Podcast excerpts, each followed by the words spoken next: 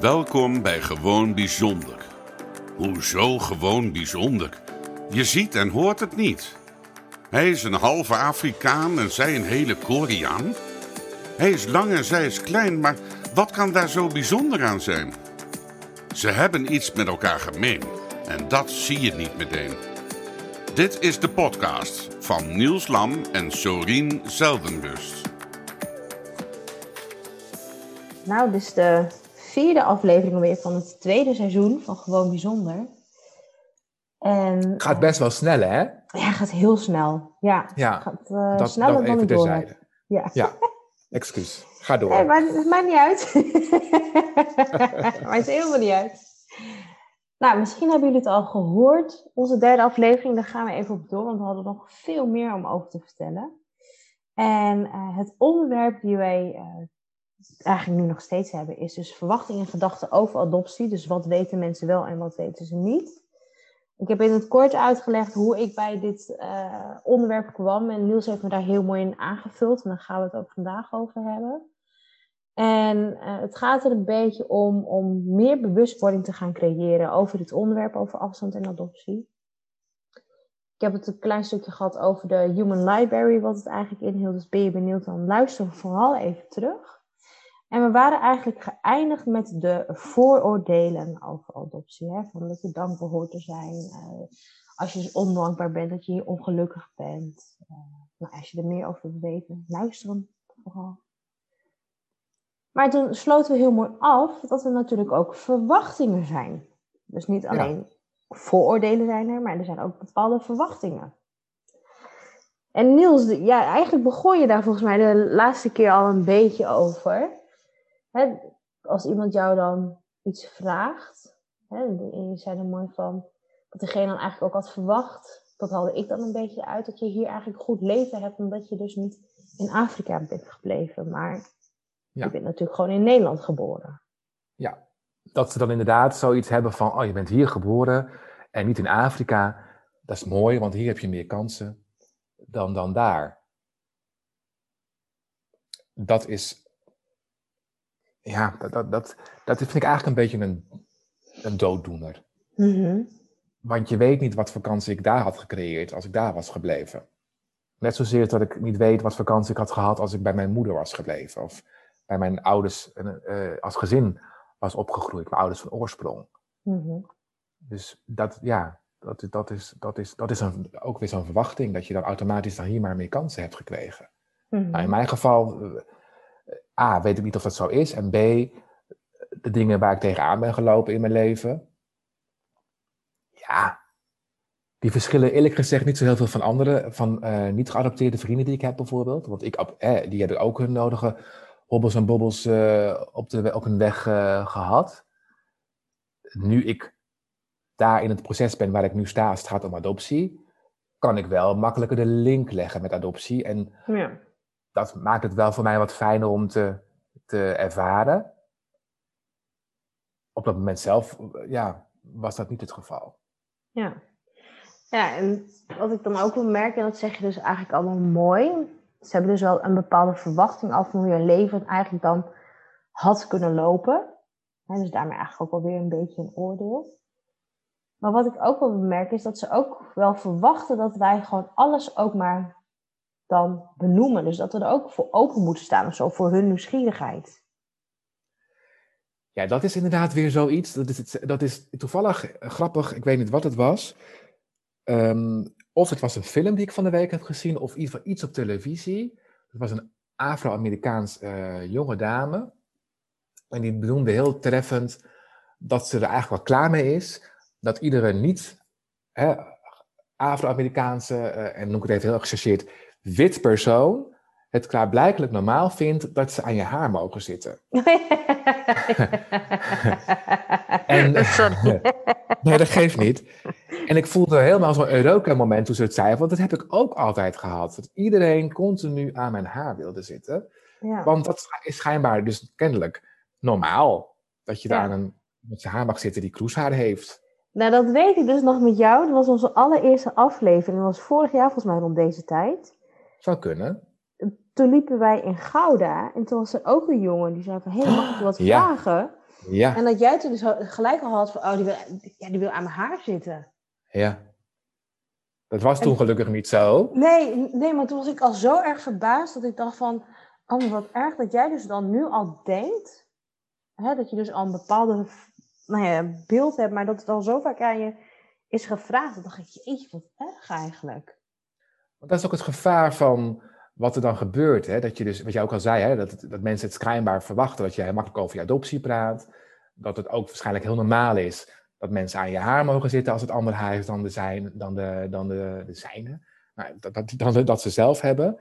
En omdat ik het al van kinds af aan zo heb meegemaakt, ben ik nu op, mijn, op deze leeftijd, ga ik nog steeds aanstaan als ik die vraag hoor, Ja. mag ik jou wat vragen? Ja, Of als ze, naar, als ze naar me kijken en ze zeggen bijvoorbeeld van, eh, wat is je haar gaaf? Dat vind ik dan, dat is prima.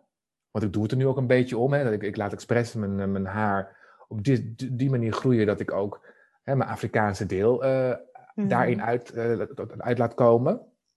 Alleen als ze dan vervolgens al meteen met hun hand omhoog gaan, of mag ik het aan, dan sta ik meteen weer aan. Dan denk ik, nee, dat gaan we niet gebeuren. Ja, maar dat is toch ook zo nu, ehm, nu ik zwanger ben, ja, verwacht iedereen ook dat ze maar zomaar aan mijn buik mogen zitten.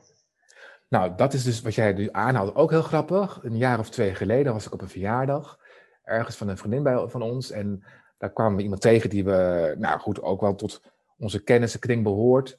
En die volgt me ook op Instagram, dus die, wist ondertussen hè, dat mijn haar eh, er nu uitziet zoals het er nu uitziet. En daar kreeg ik al complimenten van. Dus toen zagen we elkaar natuurlijk live. En we gaven elkaar een knuffel, want toen was er nog geen corona. We zoenden elkaar gedag.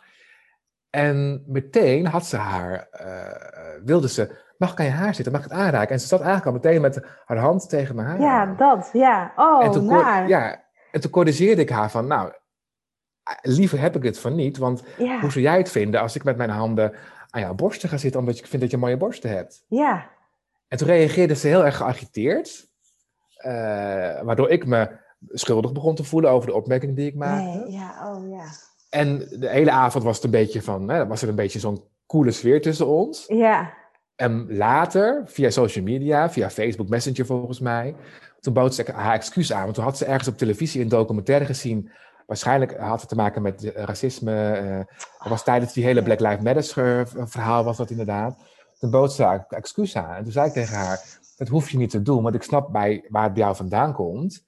ja. Ik vind het wel fijn dat je het doet. Eh, alleen het is weer een, een, een, een gedrag bij haar. Zij verwacht waarschijnlijk dat zij mij mag aanraken, omdat ik roes haar heb. Ik reageer daar weer vervolgens ook weer op. Komt er ook weer een verwachting. Dus het is ook weer een soort van, nou ja, ja. Wisselwerking. wisselwerking. Ja. Ja. Ja, en nu je dit zo zegt, denk ik ook van, dat heb ik dan ook als mensen je dan zeg maar zien. Nou ja, ik zeg niet gelijk, hoi, ik ben Sorien, ik ben geadopteerd. Maar je merkt gewoon, gewoon aan hun dat ze iets willen vragen aan je. Van, goh, waar kom je dan eigenlijk vandaan, weet je wel? En dan merk je ook dat ze dan eigenlijk al klaar zitten. Zo van, nou, kom maar op met je verhaal. Maar dan vaak zeggen ze er ook nog wel even achteraf, ja, maar als je het niet over wil hebben, is het ook goed. Dus Ja, dus daarmee zeg je, daarmee zeg je eigenlijk dat, dat mensen verwachten dat als je geadopteerd bent, dat je je verhaal gewoon op tafel Ja. zet. Ja, en als ik dan negatief ben, hè, want, want zo word ik dan vaak gezien negatief, dan probeer ik het al eerst om te buigen van nee, dit is mijn verhaal, dat is positief, want ik kan ermee dealen en het is oké voor mij. Maar dan zijn ze niet echt eh, tevreden of zo met, hè, met wat ik vertel. Dus dan hebben ze ook de verwachting dat ik ga zeggen, ik ben hartstikke gelukkig hier, ik ben heel dankbaar en ehm, nou ja, hè, eigenlijk gewoon alles wat ik nu gewoon niet mijn strot uit krijg. Dus dat ik dan zeg van, nee, adoptie heeft veel met mij gedaan. Het heeft eh, mijn leven behoorlijk op zijn kop ook gezet. Ik ben best wel van de kaart geweest. En eh, ja, ik vind adoptie eigenlijk helemaal niet zoiets moois. Dan zie je Hmm. gewoon nog net niet die mondjes openvallen van, oh, wat overkomt me nu? Hmm. En als ik dan ook vraag, nou ja, ik zeg, hoe is het dan voor jou om te horen? Dan, dan, dan, dan, dan wordt het maar weggewuifd en dan willen ze er zelf niet meer over hebben. Dan denk ik, ja, maar dat gaat niet op. Je verwacht wel van mij dat ik open en eerlijk ben.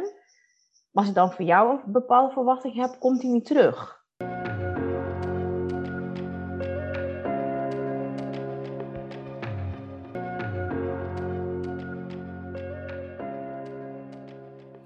Ja, en zou het ook niet te maken kunnen hebben dat, waar we het de vorige keer over hadden, over die vooroordelen, hè, waarin we ook noemden van hè, we als geadopteerde uh, of niet geadopteerde hebben.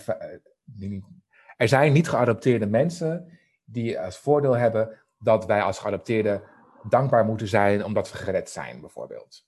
En als dat antwoord niet uit onze monden komt, dat die mensen dus, hè, die dat vooroordeel hebben, dan uh, niks meer kunnen zeggen, willen vragen. Of dat ze simpelweg ook misschien toch wel een beetje een soort van, van hun voetstuk zijn geblazen door ons antwoord. Dat ze het nou, niet verwacht hadden. Ja, ik denk dat je hem daar heel mooi zegt. Ze hadden me inderdaad niet verwacht. En daarmee dus ook van hun voetstuk af zijn geblazen. En omdat ze dus dan al een bepaald vooroordeel hebben over de hele situatie, hadden ze deze verwachting ook niet. Nee. Nee, en dat vind ik soms wel irritant. Dat ik dan denk van ja. En soms ben ik ook wel heel erg hoor. Dan lach ik gewoon. Dan denk ik ja. Oh, had je ook niet kunnen weten. ja, dan, ja, dan ga je toch een beetje dat, dat, dat, uh, ja, dat pleasen weer, hè, dat aanpassen waar we goed in zijn, ga je dan in doen. Ik herken dat wel. Ik, wat ik dan wel eens doe, is dat ik dan een, hun verontschuldig. Dus dan zeg ik van, ja, maar zij, zij, kunnen het ook niet weten, hè, want zij komen uit een dorp. Of zij, uh, dat heb ik ook met mijn, mijn geaardheid. Het, eh, toen ik mijn uh, familie ontmoette, mijn moeder en mijn, daarbij ook mijn broertje en zusje. Toen uh, was mijn geaardheid niet een ding. Hè, want eh, laat ik vooropstellen, dat is nooit, zover ik weet, bij, bij hun geen probleem geweest. Ik merkte alleen wel dat er wel een bepaalde nieuwsgierigheid werd gecreëerd. En dat ze mij allerlei vragen gingen stellen, vooral de vrienden van mijn broertje bijvoorbeeld. Maar op een hele luchtige, ook wel een beetje humoristische manier. Ja. En tegelijkertijd merkte ik ook dat bij hun in het dorp, dus de enige, en dat is ook weer zo'n oordeel, de enige homo die daar was, was de kapper. Ja. Dus zij dachten ook allemaal dat ik misschien kapper was. En uh, ik oh woonde in Amsterdam, dus ik ging ook elk jaar naar de Gay Pride. En ik stond ook op een oh, hakken in een discotheek te dansen in een leerpak. Weet je, dus oh, ja, dat beeld. En dan, toen zei ik ook heel terecht van ja, ik neem het niet kwalijk, want bij hun op de televisie komen dat soort beelden binnen. Alleen maar dat soort beelden. Nou, en nu ik daar dan met jou over heb, denk ik van wat een bullshit. Je kan toch ook wel even verder kijken dan je neus lang is. Er zijn toch ook gewoon homo's die niet zo zijn. Er zijn toch ook geadopteerden die uh, uh, uh, inderdaad niet blij zijn met hun adoptie. Zoals er ook geadopteerden zijn die dat natuurlijk ook wel zijn. Hè? Laten we wel wezen. Ja, ja, absoluut. Het, absoluut. Het, is niet, het werkt ook de andere kant op. Maar ik vind het wel heel fascinerend hoe dat dan werkt. En ik, ik stop ermee om me voor die mensen dus te verontschuldigen. Ja, ja nee, dat snap ik wel. En toen je dat zei, inderdaad, mensen uit het dorp. Ik weet nog, ik paste op echt een heel klein dorpje in Drenthe. Wel bij bekende mensen die ik al eh, wat langer kende. En toen moesten we naar een schoolvoorstelling van uh, het jongetje. En ik denk, hij was denk ik een jaar of zes misschien. Misschien iets jonger. En er had een meisje voor me, die heeft de hele voorstelling achterom gekeken naar mij. En ja, kinderen kan ik op een manier kan ik dat ook weer niet kwalijk nemen. Maar toen zei ik ook tegen Harold, want dan had ik al wat Harold. Toen zei ik tegen Harold, waarschijnlijk heeft het meisje nog nooit een echt een Aziatische persoon in het echt gezien. Behalve bij hun in de Chinees of op tv, weet je wel? Ja, ja. dat, dat, zou ook nog eens een keer kunnen. Ja. ja, en toen dacht ik echt van, maar wat erg eigenlijk dat die ouders, of wat erg, maar het is jammer dat die ouders dan haar daar niet in meenemen qua diversiteit in de wereld. Maar ja, dat is misschien alweer mijn verwachting wat ik heb. ik denk dat dat, in, dat, dat, dat, dat, inderdaad, dat er dat inderdaad sprake is van jouw verwachting. Ja. Want laten we wel wezen, volgens mij, dat geldt zowel voor jou als voor mij, weten we nog half niet wat er nog meer speelt op deze uh, aarde. Nee, klopt, klopt. Om een heel simpel voorbeeld te noemen. Klopt. Uh, afgelopen zondag gingen Cas en ik voor het eerst hier in Oosterbeek in de uiterwaarden wandelen, waar we al drie, drie jaar wonen. En zagen we ook voor het eerst allemaal weer nieuwe dingen. ja. Waar we nu ineens wel kennis van hebben. Dus Weet je, je, kan, ja, je kan klopt. het, het wordt dus, aangepast. Dus het, is jouw verwachting van, jammer dat die ouders dat niet gedaan hebben. Maar voor hetzelfde geld leren zij hun dochter iets wat jij jouw dochter nog niet hebt geleerd. Nee, nee dat is waar. Dus verwachtingen zijn ook niet meteen goed en fout of zo. Hè? Nee, nee, eh, nee, zeker niet. Nee, nee, maar dat, ja, nee, dat vind ik altijd wel grappig. Dat, uh, maar ja, zo heb ik meer voorbeelden.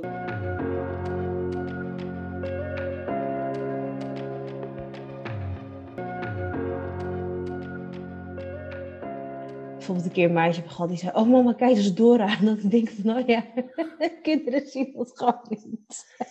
Nou, neem van mij aan, Sorien. Ik heb vroeger met mijn jongste neefje, Jelmer, toen was hij, eh, bleef hij vaak bij ons logeren. En dan was het inderdaad, hij was helemaal fan van Dora. Eh, Het enige wat ik van Dora weet, is dat ze ontzettend grote ogen heeft. Ja, nou, dat heb ik En volgens mij laten we wel wezen, mensen uit Azië hebben dat niet. Nee. Dus nee, jij bent zo absoluut geen Dora. Nee, dat vond ik... eerder- Ik zou eerder zeggen Hia- Hiawatha of zo, weet je? Po- Pokémon. Nee, Pocahontas, sorry, Pokémon, Pocahontas. Maar ja, we, we dwalen een beetje af van de We dwalen weer een beetje af, eh, excuus. Hey, welke verwachtingen heb jij nog meer? wat hoor je nog wel eens meer voorbij komen? Nou, mensen verwachten ook vaak dat ik contact heb met mijn biologische ouders of dat ik ze eh, ken. En als ik zeg van, eh, nou nee, dat, dan zijn ze soms ook wel verbaasd. Maar dan verwachten ze ook gelijk dat ik al op zoek ben. Oh ja. Ja, en als ik dat Ja. dan aangeef van, nou dat vind ik lastig, want ik ken je niet zo goed en daar wil ik eigenlijk niet over hebben, dan zijn ze weer verbaasd dat ik dan dat niet wil vertellen. Ja. Dus daarin dan- ligt ook al een bepaalde verwachting van, oh, dus jij vertelt even wel je hele levensverhaal. Ik herken het in een andere context. Wat ik wel eens, wat ik vaak hoor, is dat ze inderdaad verwachten dat ik weet wat de reden is dat ik ben afgestaan. Oh ja, ja, ja.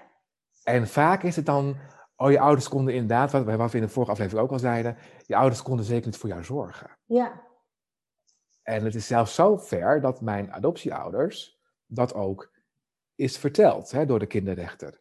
Dus daar zit natuurlijk ook, en nu dwalen we wederom af, misschien moeten we gewoon eens een keer een blok doen over wat überhaupt verwachtingen zijn, hoe dat tot stand komt.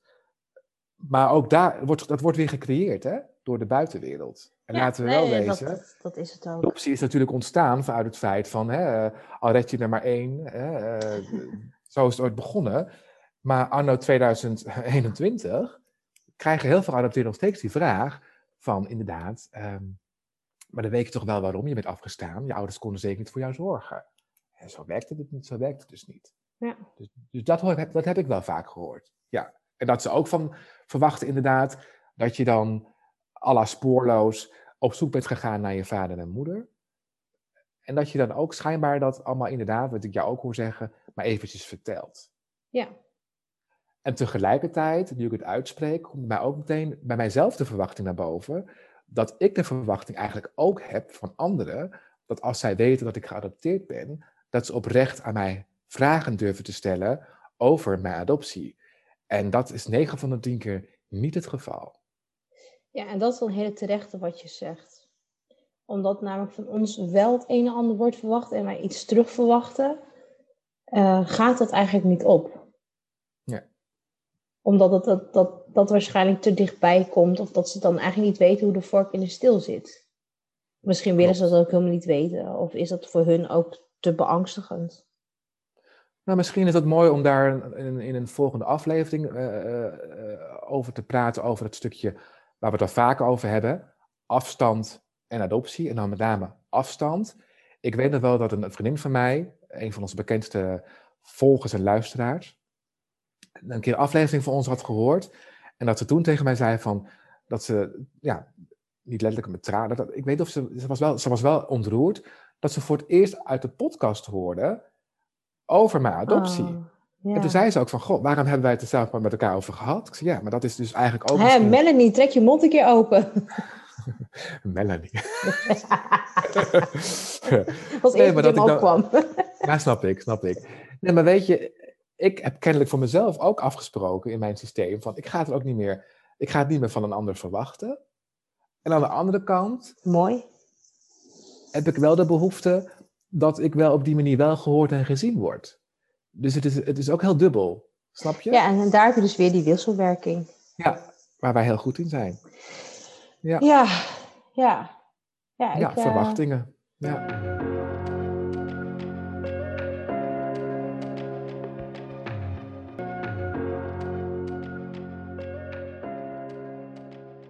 Zo hebben we weer tien nieuwe onderwerpen waar we nog over kunnen hebben, Niels. Mhm.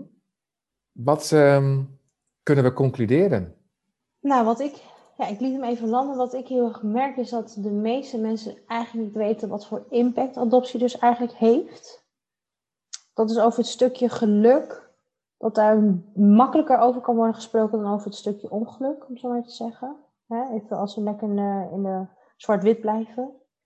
Omdat je dan als geadopteerde minder wordt gezien, heb ik het idee. Er, zijn natuurlijk altijd uitzonderingen. Hè? Maar zo voelt het een beetje voor mij. Als je dus wat meer je stem laat horen en beter kunt onderbouwen waarom je dat toch als iets minder leuk ziet, dan staan ze er wel voor open. En ik merk ook dat inderdaad die verwachtingen, die vond ik heel interessant vandaag, een dat ik heb die inderdaad ook. Dus ja, het is voor mij ook bewustwording, even stilstaan bij de vraag die ik krijg, maar ook bij mijn eigen. Voordat een heel verhoor natuurlijk wordt afgevuurd op mij, maar dat ik het ook terug ga doen naar iemand anders, hè, want daar ben ik ook goed in. Oh, jij vraagt mij, want dan krijg je hem ook terug, om zo maar even te zeggen. Goh. maar het is, het is gewoon goed om eerst je eigen, eigen gevoel, hè, je bevindingen eerst dan te gaan onderzoeken. En klopt het ook wat ik heb gehoord? Hè? Dus dat ik zelf ook ga luisteren. En dan ook zelf nagedenken, goh, hè, hoe zou het voor mijzelf zijn? Maar ook dat de ander, als, als, als die dat vraagt naar mij, hoe zou jij het vinden? Dus ja, dat, uh, dat heeft het voor mij wel gebracht. Ik weet niet of jij daar nog een mooie aanvulling voor hebt. Ik kan niet anders zeggen dan praat met elkaar. Ja, sta meer open voor elkaar en luister. Ja. Dit was de podcast van Gewoon Bijzonder. Niels en Sorien horen graag wat je van de podcast vindt. Wil je een review achterlaten of wil je iets delen? Je kan ze vinden op Instagram, Facebook en hun eigen website gewoonbijzonder.nl. En als je daar dan toch een kijkje neemt, volg, like en deel deze podcast. Dankjewel.